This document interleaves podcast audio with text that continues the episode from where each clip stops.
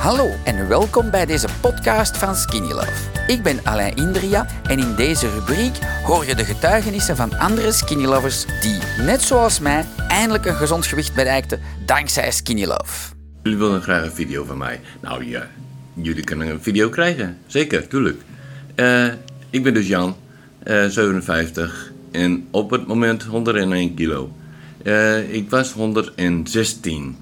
Ik ben naar 89 gegaan, maar dat was voor mijn corona. Toen heb ik corona gekregen en je wil niet weten hoe vies dat Skinny Love dan is.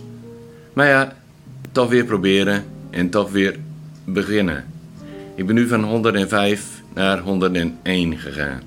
Dus ik ga nu weer rustig door tot ik weer op 89 zit. Ik doe mijn best, ik ga het proberen, ik hou vol. En ja, zoals je ziet, ik zie er nog vrij goed uit. Al moet ik het zelf zeggen. Oké, hey, dankjewel. Fijne dag nog. En ja, natuurlijk, altijd blijven schudden en drinken. Oké, hey, fijne dag. Dankzij dit verhaal heb je ongetwijfeld zelf ook de motivatie gevonden om van start te gaan. Ik wens jou heel veel succes.